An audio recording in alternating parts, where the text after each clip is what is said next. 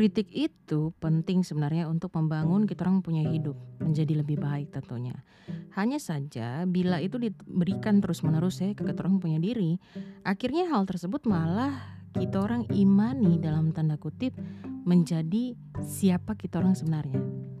Bayangkan kalau kau punya orang tua tinggal panggil kau goblok. Biarpun kau nanti akan punya prestasi sampai masuk siswa 10 besar pun, kau akan tetap berpikir bahwa gue itu goblok. Nah, bayangkan ketika kau lakukan itu terus menerus buat kau punya diri dalam jangka panjang yang akan menjadi toksik nanti untuk kau punya diri sendiri.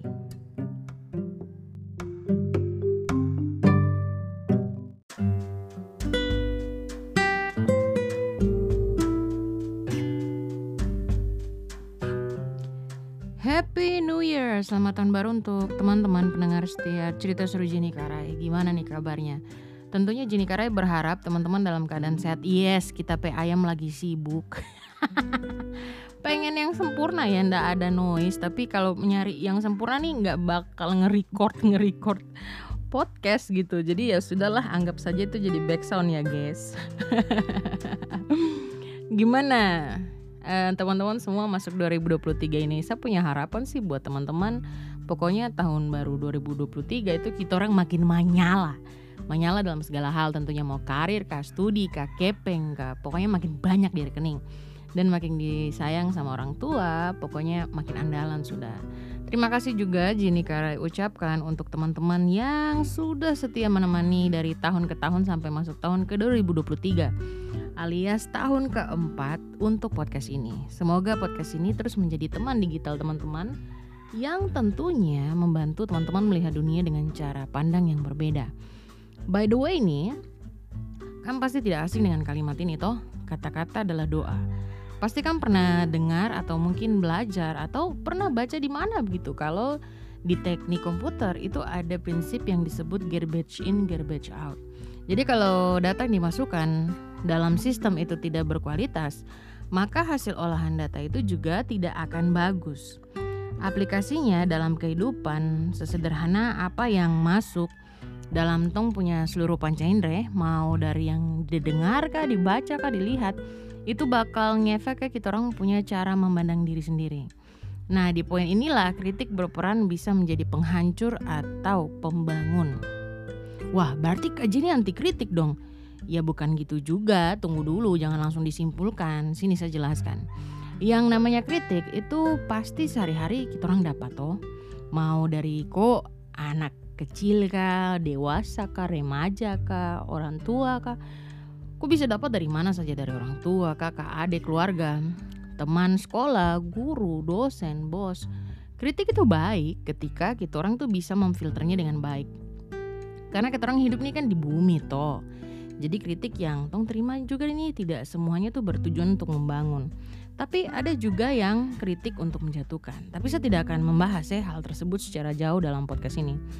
Yang saya mau fokuskan adalah bagaimana efeknya kalau kita orang tuh kecanduan dalam tanda kutip untuk mengkritik kita orang punya diri sendiri. Atau dia punya bahasa keren itu namanya self criticism. Dalam hal ini porsinya tuh berlebihan. Jadi bukan ketika kita orang buat salah terus tong revisi kita orang punya kelakuan bukan. Tapi dalam segala hal kita orang tuh mengkritik apa yang kita orang lakukan. Bayangkan saja, ini saya punya ayam nih memang kayaknya baru selesai makan atau bagaimana jadi ada eh, vokal-vokal ini vokal-vokal cakadidi jadi maafkan ya gengs ya kita lanjut ku bayangkan saja tiap hari kau bangun kau mau kerja atau mau mulai sesuatu dan kau punya diri sendiri bilang begini ah palingan hari ini biasa saja kan kok tidak spesial. Atau ngapain sih coba lagi? Kok tuh kan tidak bisa. Atau Allah cinta-cinta apa? Aku tuh terlalu dicintai karena aku tuh sudah begini dan begitu di masa lalu. Nah bayangkan nih bayangkan setiap hari tuh kok kritik kok punya diri seperti itu. Lama kelamaan kok akan meyakini apa yang kok kritik itu sebagai fakta mutlak Yang akhirnya membatasi kok sendiri untuk punya ruang gerak dan membatasi kok menikmati hidup. Itu masalahnya. Pakai baju sedikit langsung kau kritik kau punya diri. Aduh kau lemak menggumpal tuh bagaimana? Tercocok sekali. Kau cuma cocok pakai kaos oversize. Nah terus kok itu kok repeat kok ulang kayak kaset rusak begitu. Bahwa kok cuma cocok pakai kaos oversize kok cuma cocok pakai kaos oversize karena kok tidak cocok pakai ini dan itu. Karena kok punya lemak banyak. Mungkin padahal mungkin kok berat badan tuh tidak sampai 100 tapi kok pikiran kayak gitu terus. Lama-lama kok jadikan itu fakta mutlak yang nanti ke depan membatasi kok untuk bereksperimen menggunakan gaya lain karena kok punya pikiran kok sudah tanamkan bahwa Ku tuh tidak cocok dengan style yang lain dan ku cuma cocok dengan kaos oversize. Hmm. Ngeri tuh dia punya efek. Kelihatannya sih ya biasa aja ya, kayak macam hal kecil saja. Tapi kalau kau lakukan tiap hari, which is 365 hari kah, 356 hari kah, itu tuh bakal balik menyakiti kau tanpa kau sadari. Nah, ada lima tanda untuk kita orang bisa mendeteksi bahwa kita orang itu terlalu keras dalam mengkritik diri sendiri. Yang pertama, suka berpikir tentang kesalahan yang sudah dibuat. Kau pernahkah tidak buat kesalahan terus kau kritik habis-habisan dirimu? Aduh Jen harusnya nih kok bisa lebih baik Kok salah sekali Ih bodoh nih Kok tidak bisa diandalkan sekali Kenapa tidak bisa jadi orang yang pintar sedikit kak itu kan hal yang kecil yang harusnya kau bisa tangani. Nah ini contoh kritik yang saya bilang habis-habisan. Anana pernah buat salah menandakan kalau kita orang ini masih menjadi manusia dan pasti tidak bisa lepas dari kekeliruan karena kesempurnaan itu hanya milik Tuhan toh. Tapi kalau kau mendramatisasi kau punya kesalahan dengan terus kau pikir kau punya kesalahan itu terus menerus, hal itu berarti sebuah kritikan keras yang sebaiknya kau hindari. Karena terlalu keras mengkritik diri sendiri itu hanya akan buat kau fokus pada kekurangan, bukan pada hal-hal yang sejatinya masih bisa diperbaiki. Yang kedua, sering melabeli diri dengan perkataan negatif. Nah, ketidaksempurnaan atau kekurangan itu mampu membuat seseorang tuh merasa tidak berharga. Imbasnya, pelabelan diri sendiri dengan perkataan negatif itu jadi semakin sering terjadi. Nah, hal demikian itu pada akhirnya akan buat kita orang itu secara otomatis melabeli diri bahwa satu sudah begini sudah, satu begini sudah tidak bisa berubah. Dan kau merasa bahwa keburukan yang kau ucapkan kepada kau diri sendiri itu kebenaran mutlak yang tidak bisa disangkal. Ih, ngeri sekali. Yang ketiga, menilai persoalan hanya dari satu sudut pandang. Kok seolah-olah menutup mata terhadap kemungkinan-kemungkinan lain yang masih bisa terjadi. Saya kasih contoh, mungkin ini uh, kalau terkena di beberapa teman-teman pendengar uh, yang mungkin kisah hidupnya sama, saya minta maaf dulu karena bisa jadi ini jadi trigger warning. Ini contoh misalnya, kok kecelakaan, terus orang sebelahnya kok itu meninggal jadi ceritanya aku bawa mobil kok yang pegang setir terus orang yang duduk di samping kok itu meninggal cuma kok saja yang selamat nah kemudian kok menyalahkan kok punya diri terus menerus bahwa gara-gara kok punya teman uh, meninggal gara-gara kok sampai kok kehilangan kok punya teman gara-gara kok pokoknya semua gara-gara kok nah terus akhirnya kok salahkan kok punya diri terus menerus toh karena orang di samping kau tuh sampai meninggal. Padahal bisa jadi itu karena cuacanya saat itu memang hujan atau memang jalannya itu baru saja uh, ketumpahan oli yang which is itu faktor-faktor yang kau tidak bisa kontrol atau bisa jadi sebenarnya mobil yang di depan kau itu dia mungkin karena mabuk makanya dia keluar dari jalur dan dia tabrak kau punya mobil Padahal kok sudah di jalan yang lurus. Tapi kok tidak lihat itu semua, kok cuma tumpahkan segala kesalahan itu buat kok punya diri. Nah, ini yang dimaksud dengan tidak melihat dari perspektif lain. Saya ketemu banyak sekali ya punya teman-teman juga yang masih menyalahkan dong punya diri karena waktu covid dong bikin orang-orang yang dong sayang itu juga kena covid dan beberapa tuh meninggal. Aku cuma bilang kepada dorang, kok tidak bisa kamu orang tidak bisa untuk menyalahkan diri sendiri terus-menerus untuk kejadian tersebut. Karena kembali lagi, yang namanya takdir, yang namanya kematian dan bagaimana caranya manusia mati itu kan tidak ada yang bisa mengontrol dan tidak ada yang bisa apa ya, tidak ada yang bisa prediksi lah gitu. Bagaimana caranya kita orang mati. Dan itu dong punya proses, dong punya proses hidup yang masih dorang belajar untuk menerima, menerima, menerima sampai saat ini. Nah, yang berikutnya, yang keempat, selalu membandingkan diri dengan orang lain. Su tahu toh, tiap orang itu pasti unik dan berbeda.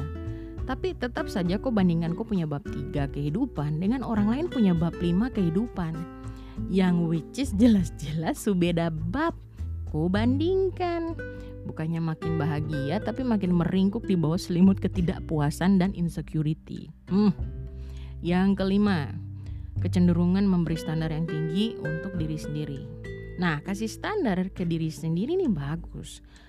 Kalau pada akhirnya kau menjadikan hal tersebut tuh untuk uh, apa ya kalau saya bilang tuh untuk memperbaiki kau punya diri sendiri standar standar itu bagus tapi kalau kau kasih standar tinggi yang tidak realistis buat kau punya diri men kau coba cek kembali kritik yang membangun. Acap kali mungkin mem mampu membantu kita orang untuk menemukan kekurangan diri ya. Karena kan akhirnya kita tahu-tahu kurang di sini di situ di sini situ. Tapi kritik yang terlalu keras akan membuat orang juga hanya mampu memandang kekurangan semata-mata dengan penuh penghakiman. Nah itu poinnya sebenarnya. Sehingga hal itu mendorong orang untuk memiliki ekspektasi atau standar yang tinggi mengenai diri sendiri dengan harapan ketong mampu lepas dari kekurangan tersebut. Jadi lihat ya dia punya pola pikir ada yang salah. Karena kita ngelihat itu jadi penghakiman untuk bergeser dari hal tersebut. Akhirnya tong kasih standar yang tinggi sekali untuk lepas dari kekurangan tersebut. Padahal dalam hidup akan lebih baik ketika ketong belajar tentang learning by doing. Yaitu bahwa ketong belajar sambil kalau kita orang salah ya sudah ketong sambil perbaiki sambil jalan Faktanya, sebuah masalah itu tidak bisa diselesaikan dengan kritikan yang tajam. Betul toh? Koruptor akan tetap jadi koruptor biar kok kritik dorang sampai sukses ya tetap aja ada koruptor. Dan dunia akan tetap begini walaupun kok kritik gitu. Dan setelah kita orang lihat di atas ada beberapa poin tentang tanda-tanda orang ternyata jadi orang yang terlalu mengkritik diri terlalu banyak. Nah, berikutnya nih saya akan kasih beberapa hal yang kita bisa pakai untuk mengurangi self criticism ini. Perlahan-lahan tidak bisa langsung kok praktek satu kali langsung barang udah hilang tidak. Kau harus praktek itu berkali-kali. Yang pertama coba deh hindari yang namanya perfeksionis. Cara untuk mengatasi self criticism ini adalah melepaskan kita orang punya obsesi untuk jadi sempurna. Karena kembali lagi saya bilang kesempurnaan hanya milik Tuhan bukan milik manusia. Karena manusia ini penuh dosa dan celah. Jadi bukan hal yang salah kalau kita orang sebenarnya menetapkan standar tinggi oke, okay. tapi jangan sampai pas waktu ketong bikin standar tinggi terus ketong gagal itu buat orang merasa tidak berharga sih oh sayangi kalau tidak berharga tuh bagaimana lagi tuh pikiran makanya kata-kata yang bilang kesempurnaan hanyalah milik Tuhan itu benar dan itu keinginan untuk menjadi sempurna dalam segala hal itu dapat menghambat kemajuan yang menyebabkan ketong self criticism itu tadi karena ketong lebih judgmental terhadap tong punya diri sendiri. Ingat, semua orang tuh pernah buat salah. Namun dari kesalahan itulah kita orang bisa memperbaiki diri. Kalau tidak ada kesalahan, kita orang tidak bisa memperbaiki diri anak-anak. Yang kedua, mulailah melakukan journaling. Nah, journaling ini kalau kau punya pikiran sudah mulai mumet alias sudah macam benang kusut teh, sudah banyak sekali pikirannya. Coba deh ambil buku sama bolpen, Terus kau tulis apa yang kau pikirkan. Kau terus usah pikir tentang dia vocab kah, dia punya tulisan bisa dibaca dan tidak kah, dia susunan bahasa bagaimana. Tidak perlu, tuliskan saja, tuangkan saja. Nanti kau akan bisa melihat kembali bahwa apa yang kau pikirkan ternyata ada polanya dan tidak sepenuhnya itu benar. Hmm. Dan poin kedua ini, saya juga sering melakukannya. Jadi kalau saya sudah rasa mumet atau saya sudah rasa aduh banyak sekali yang saya pikirkan itu langsung saya pakai saya punya tab saya biasanya pakai saya punya tab karena ada dia punya pinsel toh. Nah terus nulis di situ. Di situ baru oh ternyata nih saya terlalu pikir hal ini padahal solusinya kayak gini. Oh ternyata saya uh, melihat saya punya jalan pikiran dan ternyata ada yang bisa diluruskan. Nah di situ poinnya enaknya journaling. Yang ketiga alihkan pikiran kepada hal-hal lain. Daripada overthinking, coba deh lakukan aktivitas fisik atau lakukan aku punya hobi. Entah itu jalan pagi kah, kalau saya lagi senang jalan pagi sambil lihat yang hijau-hijau, lihat hutan, lihat gunung. Karena enak sekali itu merefresh saya punya kepala dan saya punya mata dan saya punya pikiran. Nah, kalau kau suka melukis kah atau kau suka menari, kau bisa lakukan aktivitas itu. Jadi kita orang mengalihkan energi negatif itu menjadi fokus kepada tidak di negatifnya, tapi negatif itu diolah menjadi yang positif dan produktif. Yang keempat, lihatlah hal tersebut itu sebagai pelajaran.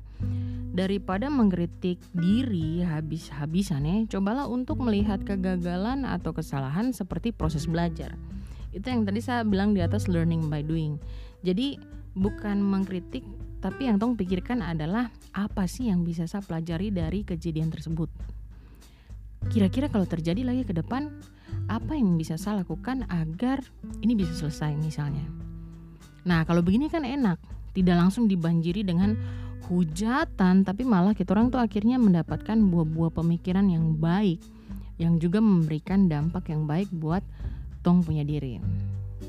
Dan at the end eh, anak-anak, Pikiran tuh bisa menjadi aset terbaik atau musuh terburuk bagi diri sendiri. Kau tinggal pilih saja mau menjadikannya yang mana. Kau mau jadikan the best kah atau kau mau jadikan dia jadi the beast? Itu dia tadi teman-teman, kita orang punya episode tentang berhenti mengkritik diri sendiri. Jangan lupa untuk selalu dukung podcast ini untuk semakin berbenah dan menjadi teman online-nya teman-teman dengan cara follow dan berikan rating bintang 5 untuk podcast ini. Jangan lupa juga mention di story kalau pas kamu orang lagi dengar podcast ini. Saya akan senang sekali untuk repost atau membalas teman-teman punya DM yang masuk via Instagram. Oke teman-teman, saya Jenny Karai pamit dari pendengaran teman-teman. Sampai bertemu di episode berikutnya. Dadah.